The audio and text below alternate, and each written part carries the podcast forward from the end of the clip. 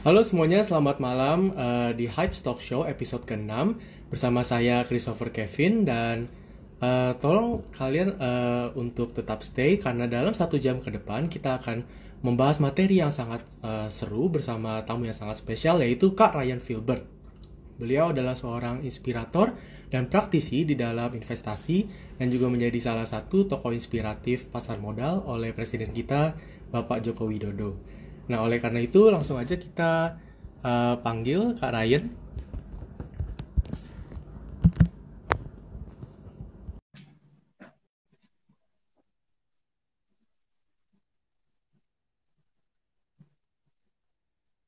Halo. Halo, selamat malam Kak Ryan. Halo, halo, halo, halo. Suara saya terdengar dengan jelas? Jelas, Kak. Oke, siap. Oke. Jadi uh, untuk satu jam ke depan kita akan membahas tentang investasi untuk kaum anak muda ini. Dan sebelum kita membahas lebih lanjut, mungkin Karayan bisa ada sedikit introduction dulu. Siap. Oke, saya itu sebenarnya alumni BPK Penabur loh. Jadi saya Semak dua pintu air. Oh, Oke, okay. ya saya Semak dua pintu air uh, angkatan tahun dua sebentar. Saya udah lupa. 2000 dua ribu satu saya masuk BPK Penabur uh, Semak dua itu di 2001. Terus 2001. Uh, habis itu Hmm, udah lama banget ya. Iya. Jadi uh, terus habis itu saya lanjut ke sarjana seni rupa. Jadi S2 saya itu uh, S, S1 adalah seni rupa, S2 itu perbankan pasar modal. Gitu. Terus habis itu ya sekarang kesehari-harian saya saya punya beberapa perusahaan, lalu juga aktif dalam nulis buku, lalu juga uh, ya sukalah untuk bisa dapat undangan untuk sharing-sharing gitu ya. Jadi ya seperti malam ini saya senang untuk bisa dapat uh, sharing kepada teman-teman semua. Oke. Jadi uh, kalau diperhatiin kan Karayan juga cukup aktif di YouTube ya. Karayan punya channel YouTube namanya channel. Uh, Karayan mungkin bisa ceritain dikit bagaimana journey Karayan uh, mulai sadar untuk berinvestasi tahun berapa dan pertama kali itu langsung nyemplung ke saham atau ke instrumen yang lainnya dulu? Iya, jadi saya itu uh, di ketika saya SMA ya, saya kelas eh, uh, kelas 3 itu ya, saya kan jurusannya IPA gitu. Saya sebenarnya sudah mulai belajar-belajar gitu ya, karena waktu itu juga uh, memang saya suka walaupun saya di IPA, saya suka uh, ekonomi dan akuntansi.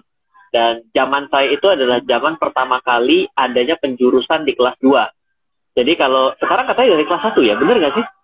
Iya, kita dari kelas 1 udah penjurusan. Oh oke, okay. saya kelas 2. Jadi saya kelas 2 itu mulai penjurusan. Saya masih belajar akuntansi uh, di kelas 2, lalu ya sampai kelas uh, kelas 3 udah nggak dapet. Jadi saya belajar-belajar sendiri. Lalu sampai uh, waktu saya kuliah, saya tuh sudah mulai mulailah mulai dagang, mulai uh, mulai dapat uang, lalu mulai uh, berinvestasi itu pertama kali saya nggak membeli saham, tapi yang pertama kali saya beli adalah reksadana. Oh, gitu. jadi dari reksadana dulu baru ke saham kemudian ya kak? Iya. Ini suara saya agak berisik ya sebentar ya. Saya soalnya saya tadi tiba-tiba ke depan ternyata background suaranya ya kak. Iya iya. Kalau gitu gini aja. Saya deketin mungkin akan menjadi lebih baik. Saya cari mic-nya dulu nih. Coba start. Kayaknya terbalik. Ini yang mic-nya. Saya ngomongnya saya deketin aja, jadi lebih kedengeran. Apakah suara saya lebih terdengar? Baik. Oke okay, siap. Kalau kalau gitu gini ya. Oke okay, siap. Oke, jadi uh, kita langsung bang ke materinya. Jadi uh, teman-teman SMA saya kan sekarang kalau lagi jalan kan udah mulai nih ngomongin tentang investasi, beliau mau beli saham ini, mau beli ini, mau beli itu gitu. Cuma beberapa dari mereka juga masih bingung sebenarnya saham tuh apa sih? Mungkin kalian bisa jelasin sedikit apa itu saham dan belinya bagaimana?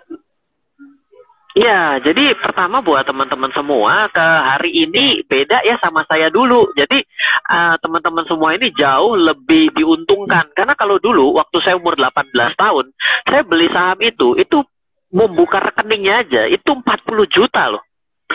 Jadi beda sekali dengan kondisi. Iya, baru buka rekening gitu kan.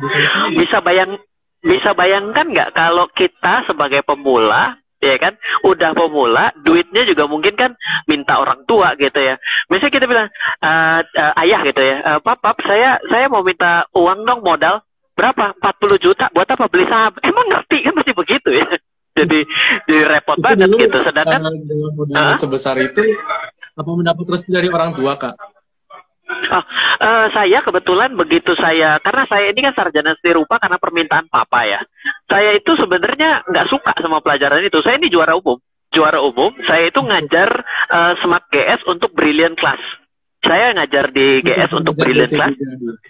Pernah uh, pernah ngajar BC juga. Saya juga punya bimbingan belajar. Saya ini orang eksak, eksak murni lah. Saya saya orang suka matematik, saya suka kimia, saya suka uh, fisika. Cuman mungkin yang satu yang agak melenceng sedikit, saya suka ekonomi dan saya suka akuntansi gitu ya. Jadi saya banyakkan dagang. Saya di Trisakti saya banyak dagang. Ketika saya banyak dagang, saya punya uang. Nah, uang itulah sebagai modal saya untuk berinvestasi pertama kali. Nah, jadi kalau eh, teman-teman semua pada hari ini itu berpikir mengenai investasi, syaratnya gampang. Satu adalah sudah punya rekening bank.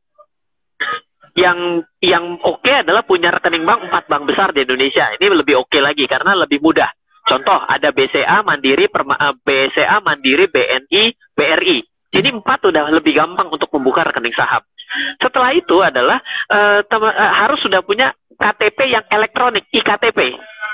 Nah, kalau sudah punya dua ini, maka aplikasi-aplikasi online pada hari ini ingat uh, beli uh, untuk saham itu jangan hati-hati ya, harus uh, aplikasi pembelian saham online yang ada di Indonesia. Jangan nanti begitu buka tuh nanti bisa salah gitu ya, harus cari yang Indonesia. Nah, itu uh, bisa membuka rekening hari ini as simple bisa mulai dari 100 ribu. Dan dan itu adalah suatu hal yang pertama kali ya. Nanti masalah nanti membelinya apa itu perkara kedua karena kalau perkara yang dulu sama sekarang beda kalau dulu itu besaran modalnya sudah sudah bisa udah nggak udah nggak terjangkau oleh anak-anak muda ya. Jadi waktu itu saya juga tidak direstui oleh papa saya sehingga ketika saya mau beli mau mau melakukan sesuatu ya namanya orang kalau udah nggak punya restu kan beda ya ceritanya ya. Eh, jangankan mau dimintain modal gitu ya, minta restu yang dikasih boleh kita modal gitu. Jadi beda sekali uh, kejadian dulu dan hari ini. Gitu kira-kira. Berarti dulu ada modal nekatnya juga ya dulu. Ah, ah oke. Okay. Gini, jadi ada satu uh, ada satu yang menarik ya. Jadi ada satu kata-kata nekat. Jadi um, yang perlu kita ketahui bahwa setiap apa pun yang kita lakukan sebenarnya ada sedikit kenekatan kok. Coba deh, waktu kita lagi ngisi jawaban deh, katakan kita punya PG, eh, PG-nya ada lima. Waktu kita mau memilih dan kita agak nggak terlalu yakin dengan pilihan kita, berarti kan kita sebenarnya sedang mengeliminasi, mengeliminasi dong. Kayaknya ini bukan, kayaknya ini bukan, kayaknya ini bukan. Itu kan sebenarnya ya. adalah modal nekat, bener nggak? ya kan ada yang lebih nekat lagi ada lihat teman itu lebih nekat lagi gitu ya. Law, lawannya lawan gurunya gitu.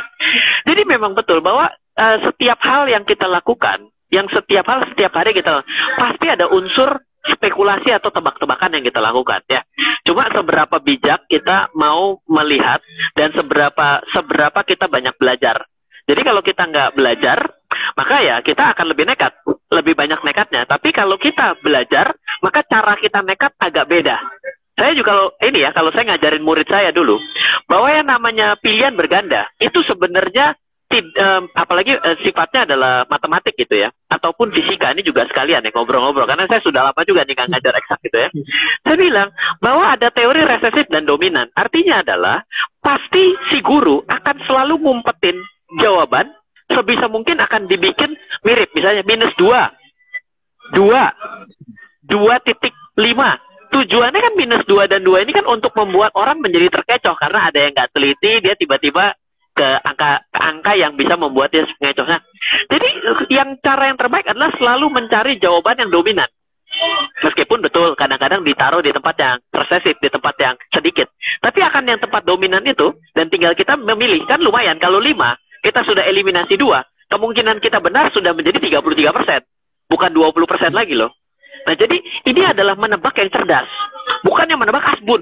Coba ah saya hitung kancing ah uh, satu uh, A B C D E A B C D itu namanya nebak ngawal, nggak ngas, benar-benar ngasal, itu nggak seru gitu loh. Jadi harus ada dasar pengetahuannya agar kita bisa melakukan walaupun nekat, yes betul, pasti ada unsur nekatnya, tapi penuh perhitungan. Ada logika berpikirnya, ada caranya dan strateginya.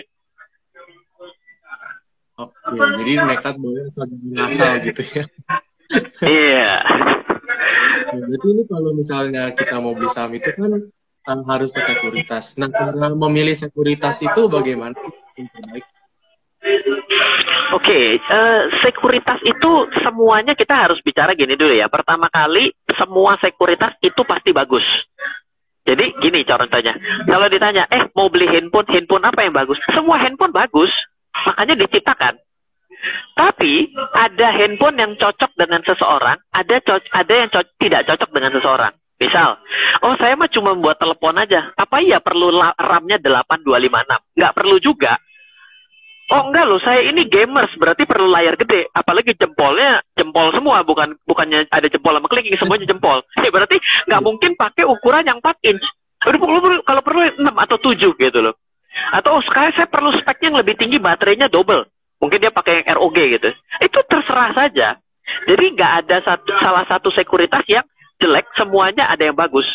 Semuanya bagus semua, tapi ada perbedaan antara yang satu dengan yang lain. Misal, ada yang pakai iOS. Ternyata sekuritas itu nggak punya aplikasi iOS. Nah, jadi jelek kan? Berarti harus cari yang lain. Oh, ternyata ada sekuritas yang bukan hanya bisa membeli saham, ada bisa beli saham dan reksadana. Nah, berarti kita boleh pakai yang ini. Oh, ternyata saya pemakai MacBook. Oh, ternyata dia tidak punya program aplikasi di Mac. Oh, ternyata saya membutuhkan, saya nih saya pribadi loh, saya membutuhkan datanya bisa saya tarik ke Excel karena saya suka sekali mengolah dengan Excel. Oh, ternyata nggak bisa. Ah, berarti jadi jelek. Jadi sebenarnya tidak ada yang jelek. Yang benar adalah kita harus trial dulu. Eh, ternyata gampang loh oh ternyata mudah dipakai, saya paham. Kalau saya pakai yang ini saya nggak ngerti, ah berarti jadi jelek. Gitu. Jadi tidak ada yang jelek, semuanya bagus. Lebih baik dicoba dulu. Nah, minta aja trialnya seperti itu. Oke, sekarang selanjutnya uh, banyak nih orang beberapa orang yang udah mulai mengenal uh, dunia saham itu masih suka kecampur ini antara investasi dengan trading. Kadang ada teman saya dalam satu kasus yang ngakunya dia trading tapi begitu portfolionya merah dia jual. Eh dia dia dia hold dia hold. Ketika yeah.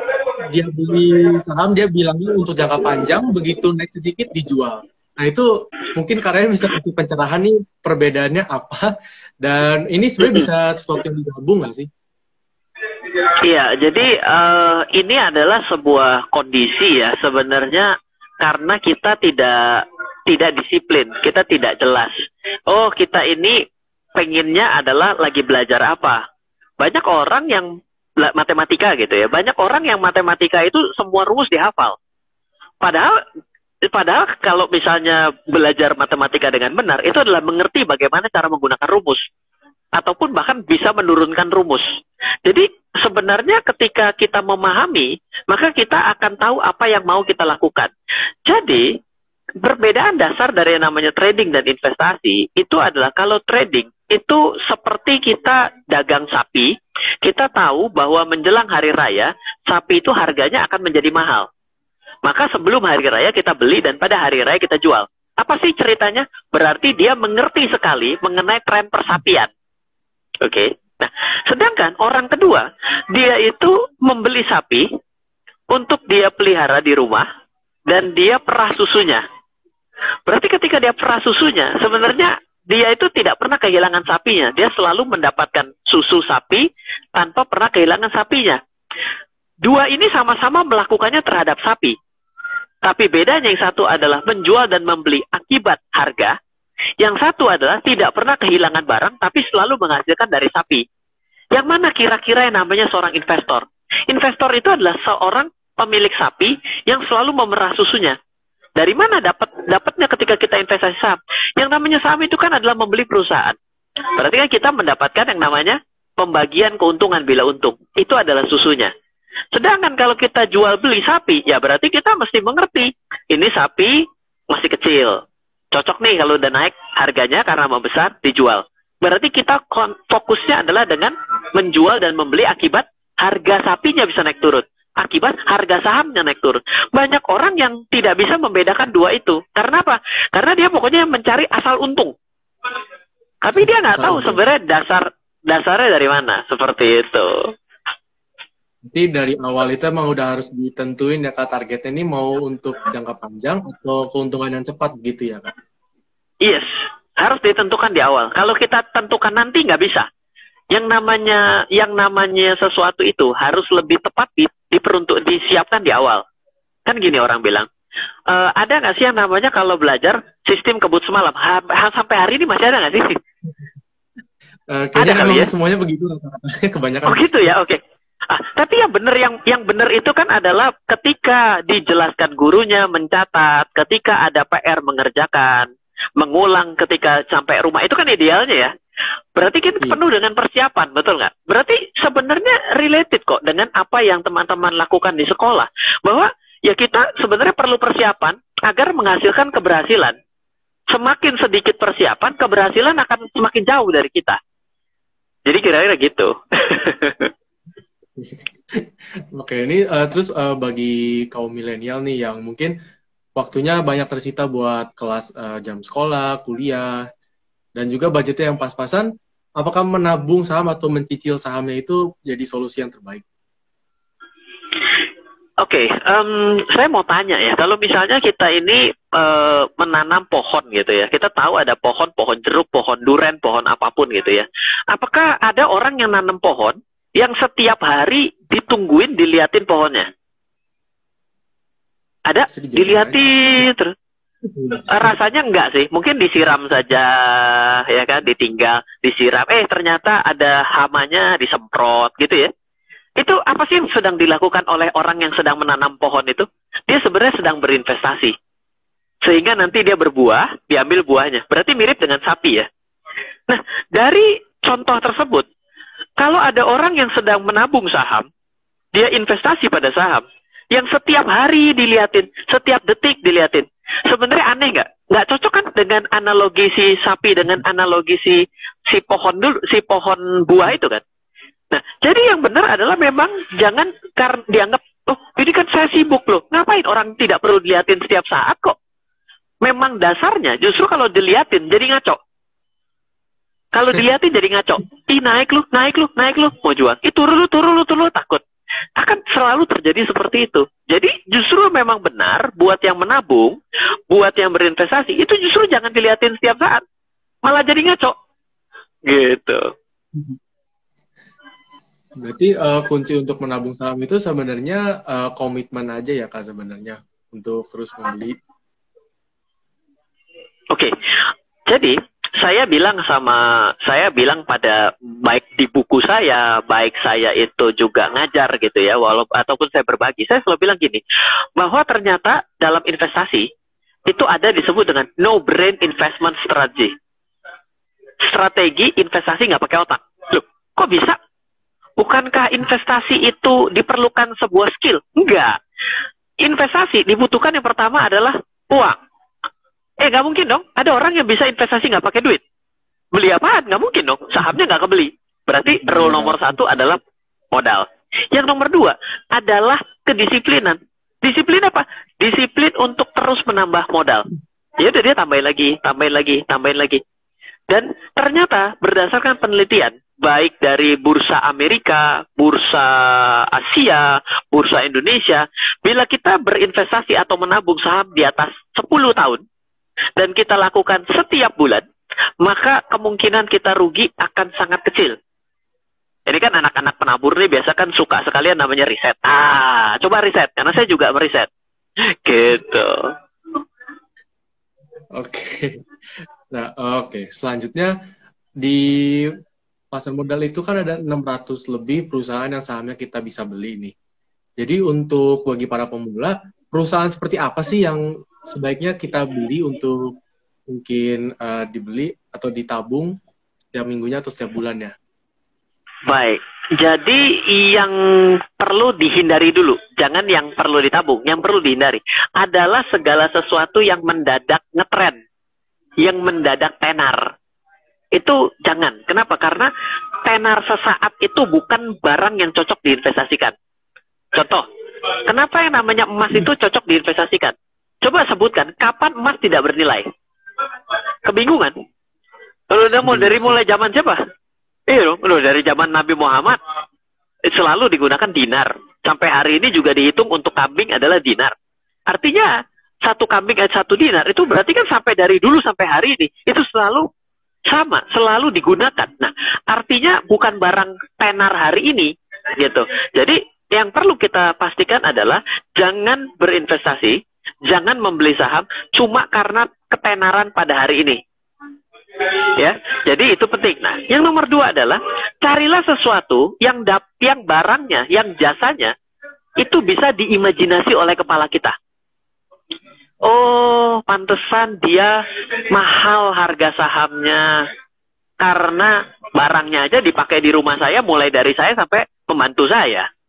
Oh, ternyata ini ya, makanan ini selalu dimakan oleh saya, teman saya, saudara saya, kakak saya, adik saya, papa saya, mama saya, tante saya. Nah, berarti kan gampang di logika. Untuk barang ini ada. Oh, ternyata orang kalau sakit semuanya minum obat ya enggak ada eh yang dia uh, nggak minum obat ya ada sih yang nggak minum obat sih ada tapi mostly orang ketika sakit minum obat atau pengobatan alternatif ataupun dia minum jamu ya itu berarti itu bisa dilogika seperti itu mulailah dari yang seperti itu Gak usah lihat laporan keuangan dulu, oke okay lah, laporan keuangan the next step lah. Mungkin ada yang sudah memahami, mungkin juga dia ternyata bukan orang jurusan ekonomi akuntansi, tiba-tiba disuruh lihat uh, dilihat laporan keuangan kan agak nggak mungkin gitu kan. Jadi mulailah berinvestasi dengan yang bisa digunakan logikanya. Jangan berinvestasi tanpa logika. Itu yang ngetren. Oh, ngetren itu kan sesuatu yang sesaat. Gitu. Nah, saya sering denger nih orang-orang pada ngomong, hati-hati saham gorengan, gorengan. Itu sebenarnya apa sih saham gorengan itu?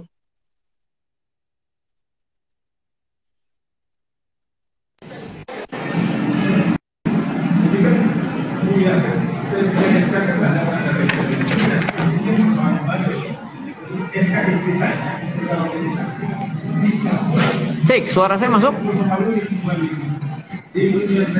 Oke, okay, siap. Sorry ya, itu uh, he, apa headset saya kehabisan bat, uh, kehabisan baterai. Oke, okay. boleh diulang yang yang tadi terakhir?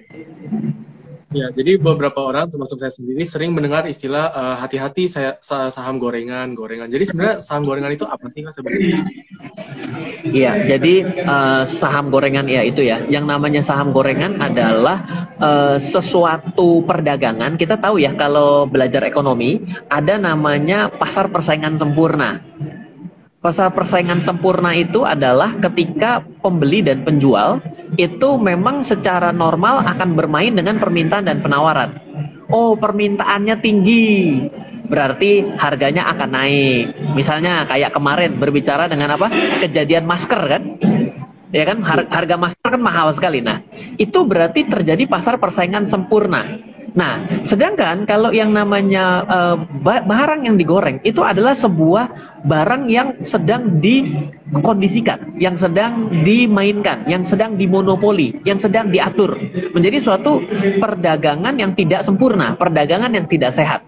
Nah jadi saham-saham yang gorengan adalah saham-saham yang naik dengan cepat. Sama seperti tadi saya bilang, yaitu jangan bermain yang sedang ngetren, yang tiba-tiba masuk ke berita. Hal-hal seperti itu tinggalin aja. Tidak perlu kita masuk ke dalam transaksi ke saham-saham seperti itu. Gitu. Jadi uh, untuk uh, misalnya kita ingin menabung saham dan uh, mau terus uh, bertambah portfolio itu uh, sebaiknya kita berinvestasi di perusahaan yang blue chip ya kak sebenarnya. Oke, okay. ini pertanyaan yang bagus ya. Wah, lu jago banget ya. Pertanyaannya banyak yang tidak pemula ya sebenarnya. Oke okay juga. Oke, okay. jadi nggak apa-apa. Ini blue pertanyaan chip. titipan yang sering ditanyain. Oh, siap. Oke, okay. blue chip itu adalah sebuah istilah di meja kasino. Blue chip itu adalah istilah dari uh, chips kasino ketika kita main di misalnya kita main kalau terdekat dari sini Marina Bay atau kita main di Genting atau kita main di Macau gitu ya. Dan jadi itu adalah suatu kondisi saham saham-saham yang boleh dibilang saham-saham uh, pilihan kelas atas boleh dibilang gitu ya. Nah, jadi ketika uh, ketika kita berbicara dengan kata blue chip, itu ketika kita bikin kuis 10 orang akan menghasilkan list nama yang berbeda loh. Hati-hati. Jadi saya tidak pernah menggunakan istilah blue chip, tapi saya akan menggunakan istilah saham LQ45 atau Jakarta Islamic Index 30 atau IDX 30. Jadi kalau pertanyaan-pertanyaan seperti ini, kita bisa gampang jawab. Saya hanya mau investasi yang di LQ45, tapi 10 tahun. Dia harus ada di LQ45. Jadi ibaratnya juara kelas selama 10 tahun berturut-turut. Susah kan? Juara kelas, juara kelas kali Yes. Nah, jadi kita menggunakan acuan yang sama. Jangan menggunakan acuan-acuan yang kita tidak bisa sepakati bersama. Nah, kalau misalnya teman-teman nanti juga agak-agak kritis gitu ya, coba perhatikan, ternyata hanya ada empat nama saham yang mampu bertahan di LQ45 selama 15 tahun. 15 tahun itu artinya 30 kali babak pemilihan. Kan dia per semester ganti. Ternyata hanya ada empat saham. Artinya apa? Artinya inilah saham yang mungkin maksudnya blue chip. Lah, selama ini kayaknya blue chip lebih dari empat. Nah, ayo kan jadi bingung kan? Makanya jangan menggunakan istilah-istilah yang tidak bisa kita bakukan. Itu satuan tidak baku tuh. Kayak gitu. Oke, selanjutnya ah, ini menarik nih kak. Bagaimana caranya mengatur psikologi investasi kak? Misalnya kalau lagi krisis atau sahamnya lagi turun seperti kemarin dan siang ini kan terjunnya lumayan tuh di berita-berita itu. Iya. Atau psikologi gimana? Begini ya, um, saya itu mengalami krisis dalam hidup itu baru dua kali. Di mana tahun 98 saya kelas 6 SD, uh, tahun 2008 saya itu sudah belajar investasi selama empat tahunan dan jadi saya baru terjadi krisis dalam hidup saya baru dua kali. 98 saya 6 SD saya tidak bisa melakukan apa pun karena saya nggak ngerti apa-apa. Saya lagi panas pada saat itu. 2008 ilmu dan pengetahuan saya baru 4 tahun. Dan pada saat itu saya sedang banyak belajar analisa teknikal. Jadi saya belajar analisa laporan keuangan adalah semenjak 2008 dari kejatuhan pasar itu sendiri. Nah, jadi mulai dari hari itu di 2008 saya sadar bahwa eh, bagaimana cara berinvestasi yang baik adalah dengan cara belajar dari sejarah. Se sejak 2008, saya belajar pergerakan pasar modal di dunia mulai dari tahun 1890 dari Standard Poor's 500 Yes, saya belajar. Saya saya orang riset. Saya saya bagi saya adalah melihat angka adalah sebuah hal yang harus saya pelajari. Angka itu tidak bisa berbicara kalau tidak kita olah datanya. Nah, jadi saya ambil dari tahun 1890. Maka apa yang saya bisa dapatkan? Setiap krisis apa pun akan selalu berbalik. Masalahnya adalah tidak ada yang tahu kapan berakhir dan tidak tahu kapan naiknya, tapi akan berakhir. Nah, kalau kita ambil dari sudut pandang Indonesia, dari tahun 1990, penurunan pasar yang lebih dari 20% itu ada lima kali. Dari tahun 90 sekali, 98 sekali, 2008 sekali, 2000-an sekali, 2014 sekali. Di atas 20%. Pertanyaan selanjutnya adalah, berapa lama dia bisa kembali? ternyata dia membutuhkan waktu untuk recovery 3 sampai dengan 4 tahun secara rata-rata.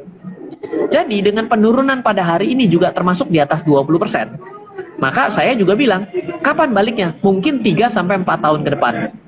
Nah, bagaimana cara membuat kita punya pemikiran yang baik, punya pemikiran yang positif, punya pemikiran yakin bahwa pasar akan pulih? Ya, jawabannya adalah berapa banyak Anda mau membaca data ke belakang dan berapa banyak Anda membaca teman-teman membaca seberapa bagus Indonesia dan seberapa buruk Indonesia secara perekonomian dibandingkan rekan-rekan negara yang ada di Asia Tenggara ataupun di Asia.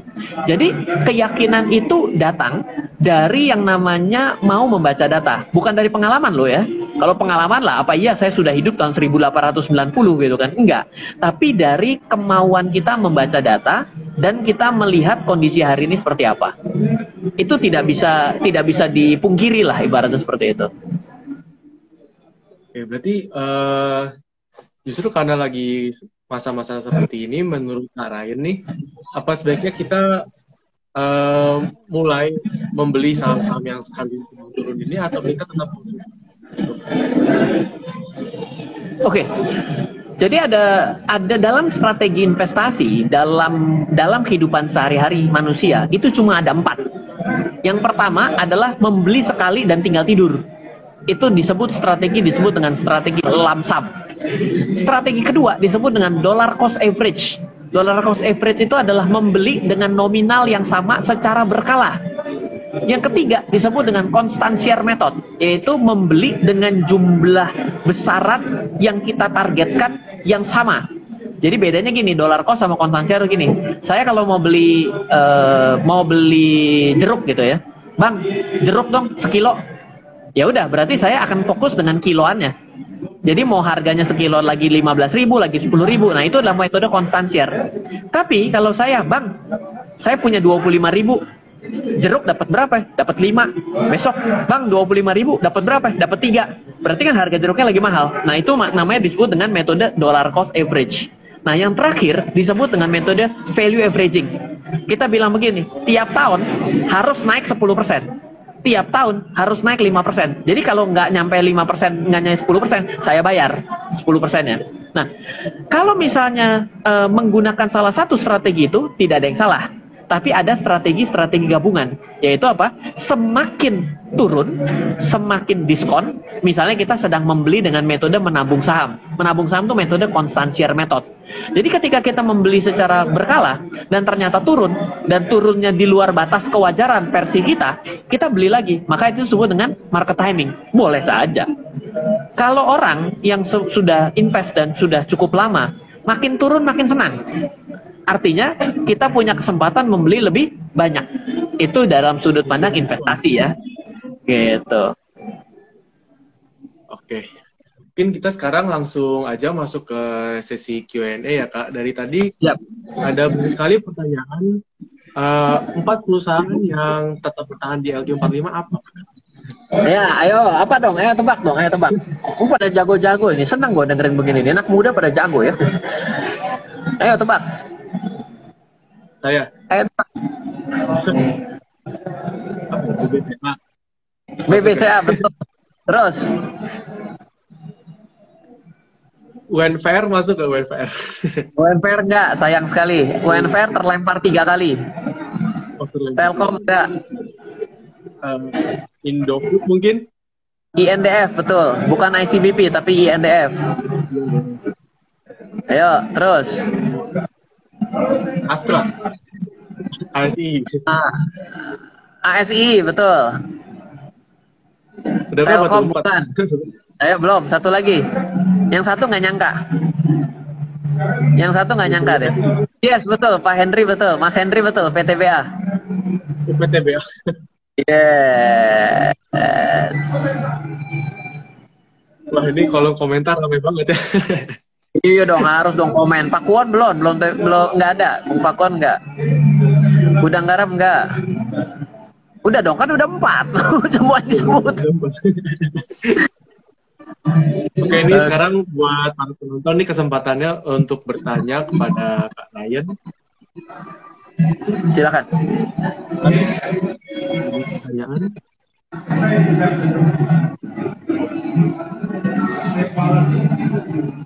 Nggak ada, nggak ada nanya. Oh bagus, berarti jelas sekali atau sangat membingungkan nanti kita bicarain.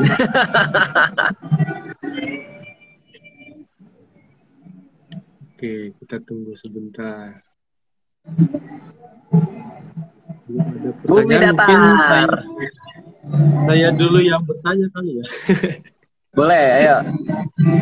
Belakangan ini kan komunitas mak-mak itu pada ngomongin soal beli itu kalau ngelihat harga emas itu sekarang waktu yang tepat untuk beli nggak pak? Membeli emas. Oke. Okay. Uh, eh, iya, aturannya menjadi sama. Segala sesuatu yang sedang tren nggak lagi menjadi menarik untuk diinvestasikan. Loh, Ryan, kok jadi kontradiktif dengan statement yang tadi? Tadi kan ngomong katanya emas selalu alat investasi sepanjang segala masa. Jawabannya adalah boleh Anda beli kalau Anda berencana membeli lagi selanjutnya. Tapi kalau cuma membeli sekali dan nggak pernah beli, itu namanya Anda sedang spekulasi. Ini bicara dengan konsistensi loh. Investment itu it's all about konsistensi. Jadi bukannya berbicara mengenai dibeli jebret habis itu tinggal, Kenapa? Karena kalau membeli sekarang saja itu posisinya dalam keadaan tren. Buy on trend itu bukan investor loh. Investor itu buy on low, buy on discount. Beda jadi beda strategi kan? Jadi tidak cocok dengan skema seorang investor kan? Kira-kira seperti itu. Oke. Jadi di kolom komentar ada pertanyaan. Uh, boleh tahu portfolio kalian apa aja itu mau disebutkan nggak tuh kak?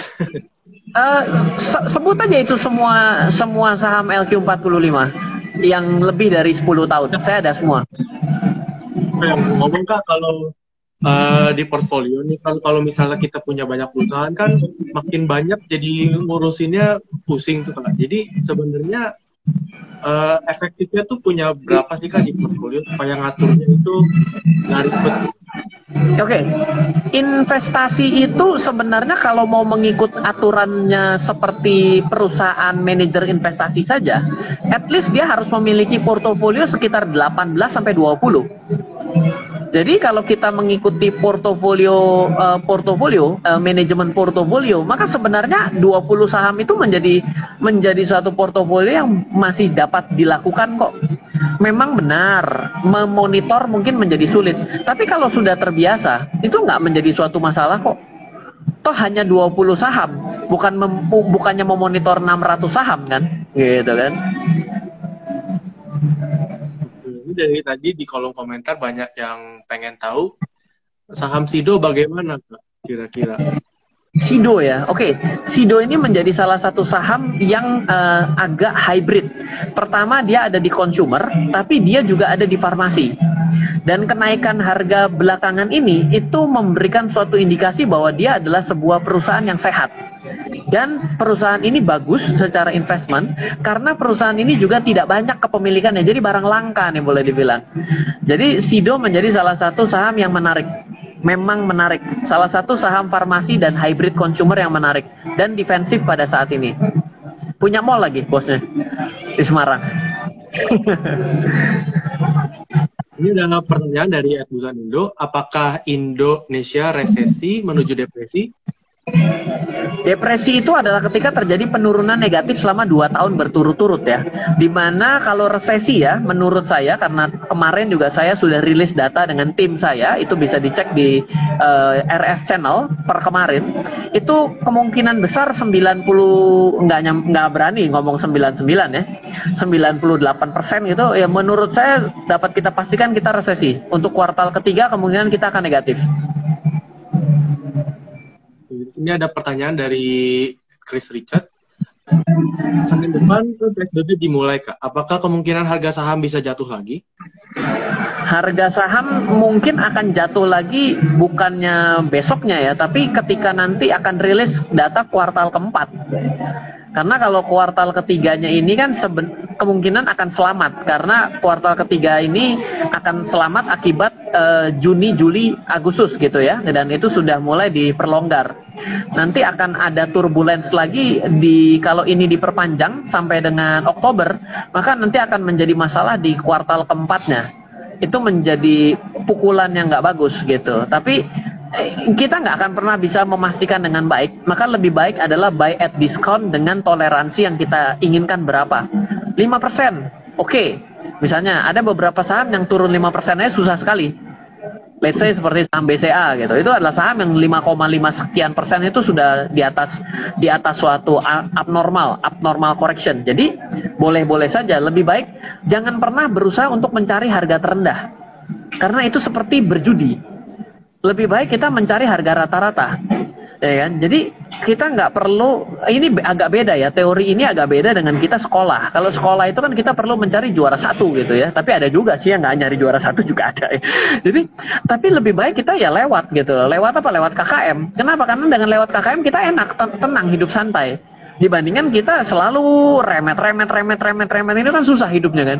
Jadi itu yang penting harus kita terapkan dalam portofolio kita. Karena kan portofolio kita ini kan yang penting tumbuh. Investor itu tidak menginginkan profit, tapi menginginkan pertumbuhan. Kalau tumbuh pasti profit. Tapi kalau profit belum tentu bisa untung terus. Kenapa? Karena bisa profit, bisa loss, bisa profit, bisa loss seperti itu. Ya, kita ke pertanyaan selanjutnya. Keren kalau valuasi company lebih mengandalkan DCF valuation, relative valuation, atau excess return, Pak? Wah gila ya anak penabur ngeri-ngeri. Kayaknya ada pulang lagi yang nanya. Iya nih Saya juga bingung apa. Jadi gini, uh, valuation itu sebenarnya cocok-cocokan. Saya menggunakan relative valuation kalau misalnya uh, sahamnya itu adalah saham yang sudah tidak perlu divaluasikan yaitu saham-saham yang uh, tadi LQ45 itu saya menggunakan relative valuation. Kenapa? Karena ketika kita mau mencari uh, valuasi harga murah, mungkin hanya hari ini kejadian. Tapi kalau dalam keadaan praktis normalnya itu agak susah untuk mencapai harga teoritisnya. Sedangkan ketika kita menggunakan valuasi-valuasi yang sifatnya discounted cash flow model gitu ya, itu harus cocok-cocokan. Apakah benar cash flow-nya bisa kita diskontitkan? Jangan-jangan justru malah cash flow negatif. Kalau cash flow negatif mau didiskonto bagaimana caranya? Mungkin juga ternyata tidak menggunakan cash flow modelingnya, tapi justru menggunakan net interest mar uh, uh, net income-nya kita menggunakan net income-nya. Jadi net income uh, discounted net income uh, valuation. Ataupun juga kita bisa menggunakan kalau dia rajin membagikan dividen. Kalau kita membagikan dividen, maka kita bisa menggunakan dividen modeling. Jadi yang namanya memvaluasi saham itu uh, harus ada artnya, ada nilai seninya. Makanya gue sarjana seni rupa gitu kali ya. Gue jadi tahu kenapa bapak gue suruh masuk seni rupa. Itu kita harus bisa membedakan case by case dari satu saham dengan saham yang lain. Atau kita justru ya hajar dengan uh, relative valuation.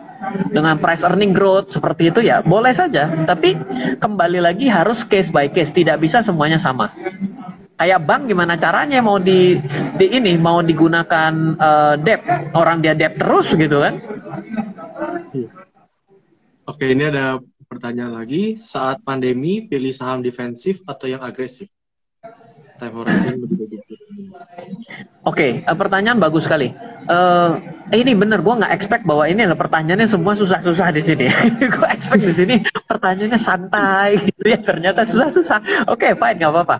Yang uh, pemula ini bisnis ini langsung langsung jago nih.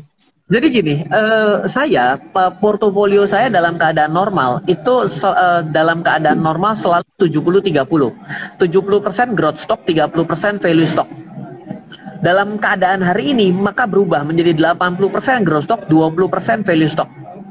Loh, kenapa Ryan? Karena yang bagus-bagus saja sekarang kelihatan murahan semua. Jadi artinya ngapain saya mesti cari barang barang-barang nggak jelas untuk saya invest? Saya sudah tidak mencari pertumbuhan yang meledak-ledak. Saya sudah bukan saya sudah bukan umurnya, sudah sudah bukan orang-orang yang mencari return 40%, 60% itu buat saya terlalu tinggi saya hanya perlu mencari 20 persenan per tahun. Jadi mungkin agak sedikit kurang tepat ya, tapi uh, saya sudah bukan orang yang mengejar profit tinggi. Saya sudah mencari yang namanya stable return. Saya adalah orang yang hari ini mencari kestabilan, bukan mencari suatu uh, income yang meledak-ledak. Itu sudah bukan masa saya gitu ya. Jadi silakan mengatur portofolio sesuai dengan tingkat kenekatan masing-masing gitu kan. Oke. Ini ada pertanyaan lagi. Menurut pendapat kalian apakah jika election? Oh ini ngomongin ini. politik soalnya.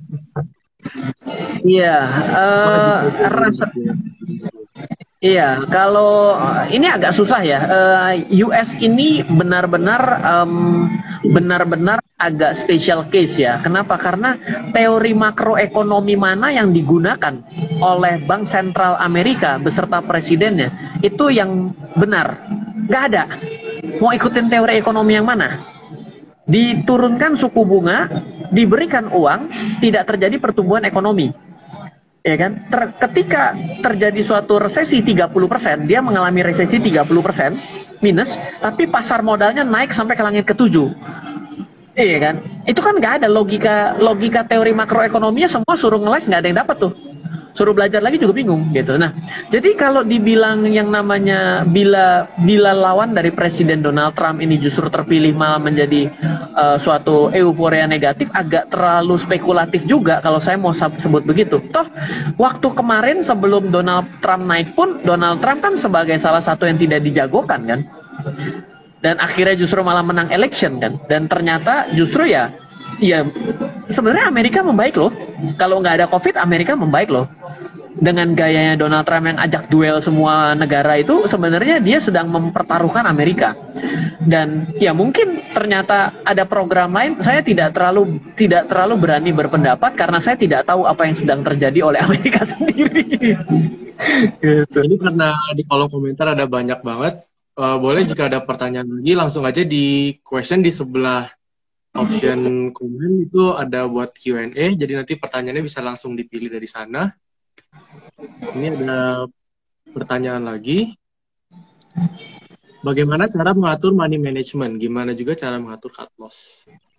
Wah, ini susah ya. E, pertanyaan ini pertama saya tidak tahu strateginya. Jadi e, kita kalau kita memberikan saran, kita harus sepaket dengan strateginya, baru bisa menjadi sebuah strategi yang lengkap. Jadi kalau misalnya uh, diceritakan money, money manajemennya saja, itu ilmunya separuh dan akhirnya diterapkan pada strategi yang salah. Contoh saya cerita bila nanti teman-teman ada waktu, coba cari buku yang judulnya Investasi Saham ala Swing Trader Dunia. Di buku itu saya menggunakan metode swing trading dengan menggunakan perpaduan moving average 10, exponential moving average 30, moving average 60 dan moving average 200. Dan money managementnya sederhana adalah ketika supportnya tidak berhasil, maka lakukan stop loss 5 sampai 8% dalam keadaan uptrend. Tapi dalam keadaan downtrend, maka Anda bisa gunakan 3 sampai 5% untuk stop lossnya. Lalu kalau ditanyakan, terus money managementnya gimana untuk entry? Untuk entry dan exit itu tidak ada namanya buy all, sell all. Tapi apa yang dilakukan? Digunakan beberapa kriteria. Misalnya baru kena support saja, maka baru seperempat strategi. Kalau sudah kena support dan jenuh jual, jenuh beli, maka ini ada dua dari empat strategi. Yang ketiga, muncul reversal pattern, maka tiga dari empat strategi. Empat dari empat, ini kalau ada yang menggunakan, Anda baca buku lanjutannya, bukunya Trading versus Investing, maka itu menjadi strategi yang lengkap. Nah, kalau kayak gitu mungkin bisa kita ceritakan dengan skema yang lebih jelas. Karena kalau saya tidak tahu strateginya, maka saya kalau kasih obatnya kan nggak mungkin. Orang saya nggak tahu sakitnya. Saya kan dokter nih ceritanya nih. Dok saya sakit, sebelah mana? Ya saya sakit, lah yang mana mau diobatin kan bingung. Mau dikasih obat gitu ceritanya. Oke, ini ada pertanyaan. Bagaimana prospek bis ke depan? Uh, bris ya. Uh, yang pertama secara secara laporan keuangan ketika di, di, di merge jadi satu untuk bank syariah maka asetnya jadi naik. Tapi apakah menjadi sehat? Kita tidak tahu. Kalau asetnya naik berarti kan menjadi terdiskon harganya. Makanya dikerek naik tapi kalau dilihat dari performance ya, kita lihat dulu seberapa jauh keberhasilan bank syariah di Indonesia. Sampai hari ini masalah datang adalah bukan dari bukan dari bank syariah yang terjadi adalah dari karena bank syariah justru mengambil kredit-kredit yang dihindari oleh bank konvensional. Contohnya, bank konvensional sudah menghindari untuk uh, pertambangan. Pada waktu itu bank bank syariah justru mengambil posisi untuk mengambil barang-barang pertambangan. Pembiayaan pertambangan itu high risk. Dan ternyata terjadi kegagalan bayar. Terjadi kegagalan bayar. Perbankan syariah itu adalah menjadi mitra. Kalau menjadi mitra itu tidak bisa segalak seperti bank konvensional. Akhirnya jadi masalah juga. Nah, jadi ini harus di case, case by case. Apakah Anda melihat akan ada perbaikan dengan di merge jadi satu? Saya nggak tahu. Tapi kalau dilihat secara nilai evaluasi menjadi jumbo. Kenapa? Karena di, diinjek aset dari bank syariah yang lain. Nah, itu jadi susah kan dianalisanya kan? Tapi saya saya kurang suka untuk mencari sesuatu yang laporan keuangannya belum terasa positif. Saya, saya kan saya udah bilang, saya sudah tidak lagi menjadi orang yang spekulatif ya. Ryan hari ini sudah 34 tahun, udah anak satu gitu ya. Saya juga masih, saya sudah berencana pengen pensiun. Jadi saya tidak ada hubungannya dengan tindakan-tindakan spekulatif. Jadi apa yang saya coba sampaikan ya, kalau saya pribadi, sesuatu yang tidak tercermin dalam laporan keuangan secara pendapatan, laba dan hutang, maka bagi saya itu nggak ada artinya. Gitu. Oke, ini ada pertanyaan lagi apakah dengan di hold 10 tahunan, apakah itu namanya jadi compounding saham atau harus dijual lalu dibeli lagi keuntungannya baru dinamakan compounding? Eh, compounding itu adalah eh, tetap membeli, bahkan dividennya pun dibelikan lagi. Itulah compounding dalam saham. Tetap membeli, lalu ketika dapat dividen, dibelikan lagi saham. Itulah compounding of interest dari saham.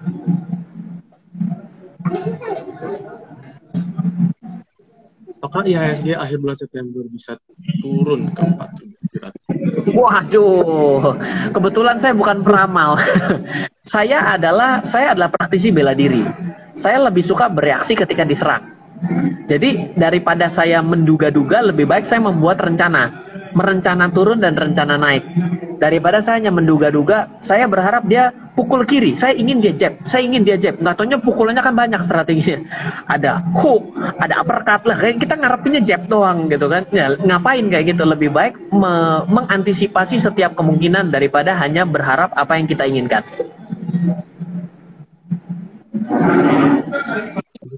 Ini kan bagaimana cara paling mudah untuk menentukan saham yang under value? Bagaimana cara paling mudah untuk menentukan saham yang under value? Oke, okay. uh, eh, ada satu ada suatu kondisi kita bisa membaca laporan keuangan namanya adalah cash, betul? Cash itu kan adalah ada di aktiva lancar ya, cash. Nah, kalau cash itu dibandingkan dengan market cap, di mana cashnya lebih tinggi, maka secara logika begini, berarti cash di tabungan yang ada di perusahaan itu lebih tinggi dibandingkan harga saham yang hari ini sedang terjadi. Berarti under value dong. Nah, itu adalah cara yang paling make sense ya kalau mau lihat ya. Metode valuation sangat banyak. Saya sendiri dengan tim menggunakan metode valuation ada 8. Jadi kalau misalnya ditanya valuation mau kayak apa, waduh banyak banget. Bisa kita ngomongin banyak sekali gitu. Tapi yang paling gampang itu, kita lihat laporan keuangan, lihat cashnya, kita lihat market cap. Kalau market capnya lebih rendah daripada cash, berarti itu under value dong. Kenapa? Beli beli harga sahamnya, dapat tabungannya di bank lebih tinggi, kan lebih gitu dong. Gitu kira-kira. Oke. Ini ini pertanyaan anak SMA kayak begini nih. Iya bener pak. Cara mengetahui harga asli suatu emiten gimana Kak Ryan? Harga asli, harga wajar kali ya. Kalau harga asli nilai buku kali. Kalau nilai buku lihat nilai bukunya saja. Harga wajar kali. Kalau harga wajar susah. Kita mau lihat bisa. Kita lihat handphone. Handphone ada handphone iPhone. Kita mau nggak nyari harga wajarnya. Kita tinggal nyari harga perangkatnya dong. Berapa harga baterainya, harga LCD-nya, harga casingnya, harga buzzernya, harga vibrate uh, uh, buat vibrate-nya, speakernya, ya kan? Semuanya kita hitung. Itu menjadi harga harga uh, pembentuknya. Tapi kan nggak mungkin juga kita lakukan begitu karena kan ada harga brandnya sendiri kan. Nah itu kan menjadi sangat sulit. Maka kalau harga wajar itu ada banyak caranya sama seperti menghitung nilai harga wajar saham seperti itu. Nah, kalau misal eh, berapa lama jangka waktu untuk menabung saham? Apakah 10 tahun saham tersebut akan naik? Oh, kalau ditanyakan akan naik itu akan naik yes mungkin. Tapi apakah bisa rugi? Yes bisa rugi. Tapi kecenderungannya di Indonesia dalam investasi 10 tahun you name it mau tahun berapapun secara statistik tidak pernah ada cerita rugi. Mau masuk 90 mau masuk 97 mau masuk 98 mau masuk 2008 mau masuk tertinggi 2008 mau masuk nanti 2013 2014 atau hari ini di 2020 ya lihat aja. Tapi di Indonesia sebagai emerging market, uh, emerging country itu pertumbuhan penduduk dengan demografi yang diuntungkan usia produktifnya itu cenderung untuk inflasi. Maka sebenarnya menguntungkan perusahaan-perusahaan untuk berjualan. Kalau usaha jualan maka bisa untung, maka untung itu membuat harga saham bisa naik. So, itu logika dasarnya kenapa investasi selama 10 tahunan di Indonesia cenderung untung. Seperti itu. Oke. Ini ada pertanyaan Apakah investing memerlukan technical analysis? Aha, oke okay, jadi gini ya, ada ada orang yang banci, ada orang yang tidak banci. Saya itu banci. Kenapa? Karena saya belajar technical analysis, saya belajar fundamental analysis dan saya menggunakan keduanya. Dan saya juga menggunakan quantitative analysis. Quantitative analysis itu adalah uh, hot money, money flow, uang beredar. Saya sudah mengidentifikasi pasar mau jatuh dari dua, dua minggu yang lalu karena ad, uh, ada keluar uang sangat besar di dua minggu lalu sehingga dari 70 saham yang kita monitor 70 sahamnya semua sell nah apa yang terjadi adalah uh, ketika anda bertemu dengan seorang analis analis teknikal murni maka akan mengata, mengatakan lebih ketika berbicara dengan fundamental ada bilang ya udah nggak usah lihat analisa teknikal. Ya itu terjadi itu tinggal kita mau nyamannya seperti apa. Jadi kalau memang ada orang yang tidak mau belajar teknikal ya sah-sah saja karena seorang investor nggak perlu mengerti analisa harga dan har analisa volume. Tapi kalau seorang analis teknikal juga sah-sah saja kalau dia tidak mau berencana membeli saham dalam jangka waktu yang lama tapi kalau ada orang yang memang mau untuk melakukan keduanya, baik untuk investing dan untuk trading, ya boleh-boleh saja menguasai keduanya. Seperti itu. Ini ada pertanyaan lagi, kalau solusi saham nyangkut itu gimana, Kak? Oke, okay. solusi saham nyangkut ada tiga. Yang pertama adalah stop loss, kalau rela. Bisa jadi sudah sangat dalam. Yang kedua, apakah punya saham yang profit? Ataupun investasi lain yang profit? Misal, saya rugi di saham 10 juta, saya untung di emas 15 juta. Jual aja emasnya 10 jual emasnya untungnya 10 juta dan jual sahamnya yang rugi 10 juta. Maka uangnya kembali. Jadi ini metode disebut dengan netting. Nah, yang ketiga itu adalah sudah biarkan saja, diemin saja, buka rekening baru, invest dengan cara yang benar, trading dengan cara yang berbeda, ingat, jangan melakukan dengan cara yang sama ya. Hanya orang gila yang melakukan cara yang sama berkali-kali mengharapkan hasil yang berbeda, Albert Einstein. Jadi, buka rekening baru, trading dengan cara yang baru, untungnya tutup di tempat itu. Jangan khawatir, market ada yang sedang naik. Ini ada tips investasi persiapan pensiun. Persiapan pensiun, nice ya. Dengan usia yang muda berbicara pensiun itu adalah suatu hal yang keren buat saya. Uh, tips untuk per, uh, untuk yang mau pensiun adalah jangan mendepositokan uang untuk persiapan pensiun. Makin panjang makin rugi. Oke, jadi silakan Anda yang Anda lakukan adalah investasilah di paper aset. Belilah reksadana, belilah saham, dan juga coba beli hedging yaitu sedikit-sedikit. Misal, punya uang 10 juta, 500 ribunya beliin emas. Jadi 5 persennya di hedging. Itu juga boleh. Sehingga uh, seiring dengan waktu, investasi untuk panjang itu, untuk jangka panjang itu sebenarnya aman. Untuk 20-30 tahun itu aman. Yang penting adalah hitung dulu berapa kebutuhan uang pensiunnya. Yang penting hitung dulu harga kebutuhan uang pensiunnya yang mau dikejar berapa seperti itu. Oke, ini mungkin karena waktunya sudah hampir sejam, ini akan jadi beberapa pertanyaan terakhir. Kak mau nanya, ada nggak ciri-ciri saham yang akan menjadi downtrend? Oke, okay. ciri-ciri saham yang akan menjadi downtrend adalah ini hanya bisa dibaca di teknikal ya, di di fundamental nggak bisa. Kalau di teknikal adalah ketika dia menjebol support yang kuat atau breakdown gitu ya, dia jebol ya, atau dia mematahkan tren jangka panjangnya, maka itulah disebut downtrend dan exit saja gitu. Eh gampang ya ngomong exit aja ya, berani nggak soft loss kan gitu ya.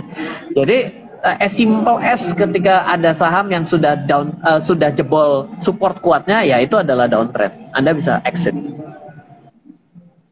Oke, ini karena waktunya sudah satu jam. Iya. Yeah, uh, mungkin siap. bagi untuk sesi penutup, uh, mohon maaf buat orang uh, bagi kalian penonton yang pertanyaannya belum sempat terjawab karena ini di kolom pertanyaan ramai sekali. siap, siap, siap. Mungkin siap, uh, sebagai penutup kalian bisa kasih tip uh, bagaimana untuk langkah-langkah ke depannya berinvestasi.